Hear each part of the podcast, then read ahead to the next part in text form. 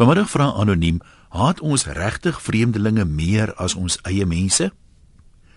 Xenofobie of vreemdelinghaat is 'n woord wat my nogal aan die dink sit. Waar pas dit in by die statistiek wat almal deesdae so rondgooi om punte aan te teken in al die debatte wat soos weghol veldbrande woed? Dalk moet die mens eers 'n bietjie verder rewind. Die meeste buitelanders wie se winkels afgebrand word, is skynbaar wettig hier, so hulle is seker minder vreemd as onwettige immigrante. Maar die feit bly staan dat 'n mens nie onlangs jy's gehoor het van plaaslike winkeliers wie se winkels ook afgebrand word nie. Nou is daar twee moontlikhede. Buitelanders se winkels word wel geteken weens watter redes ook al. Dit kan weerwraak wees omdat baie mense dink alle buitelanders is dieselfde. Net soos wat baie Suid-Afrikaners graag glo alle wit mense en alle swart mense is dieselfde. As 'n buitelander 'n vermeende dief skiet, is die afleiding seker dat alle buitelanders geneig sal wees om dit te doen. Die ander moontlikheid hou verband met getalle. Dis 'n feit dat daar in Suid-Afrika 11 swart mense vir elke wit mens is. Maar hoeveel buitelanders is daar vir elke binnelander? En meer spesifiek, hoeveel buitelandse winkeliers is daar in verhouding met plaaslikes, veral in die areas wat geplunder word? Ek weet nie, maar ek weet wel dat op baie dorpe in Suid-Afrika daar al geslagte lank meer Griekse, Joodse en Portugese winkel en kafee-eienaars is as plaaslikes.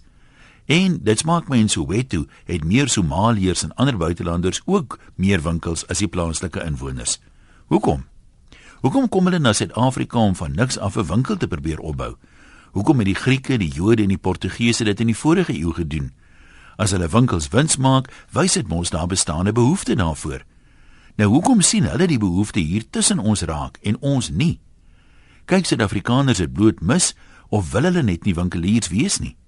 Ek het al dikwels gehoor dat mense sê so min Afrikaners het kafees omdat hulle nie kans sien vir die lang ure nie maar die Portugees bly geduldig oop tot laat aand in die hoop iemand kom koop nog 'n pakkie sigarette. Dalk is die buitelanders verplig om maar hulle eie ding te doen, omdat hulle nooit maklik werk in Suid-Afrika kon kry nie en is grootliks op hulle self aangewese was. Watter ander keuses het jy nou as niemand jou in diens wil neem nie? Die feit dat so baie buitelanders as sakemanne sukses behaal, beloof eintlik goed vir die toekoms waar werkloosheid hoogtyd vier het ons land nie juis nodig dat meer Suid-Afrikaners ook entrepreneurs word nie.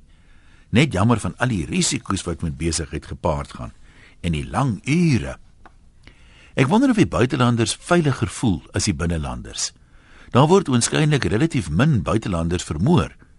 Ons praat van vreemdelinghaat, maar kan 'n mens die afleiding maak dat ons dalk die vreemdelinge genoeg haat om hulle winkels te plunder, maar darm nog nie genoeg om hulle te vermoor nie?